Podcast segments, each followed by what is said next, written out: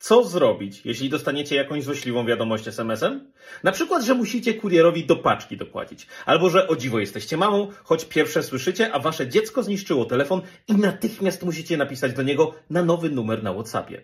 Co wtedy? Przede wszystkim nie odpisywać i nie klikać żadnych linków zawartych w takiej wiadomości, jak groźnie nie brzmiałyby ewentualne konsekwencje. Po drugie, możemy, mając odrobinę wolnego czasu, zgłosić ją, aby chronić innych. Na przykład do CERT-u, a to jest prostsze niż kiedykolwiek, bo uruchomili oni w tym celu krótki i prosty do zapamiętania numer 8080. Prawda, że prosty? 8080. Już zapamiętaliście. Więc kiedy następnym razem dostaniecie jakąś jawnie złośliwą wiadomość, to zachęcam do poświęcenia tych dodatkowych kilku sekund, bo być może dzięki temu mniej świadomi użytkownicy telefonów też będą bezpieczniejsi. Nie musicie się też już zastanawiać.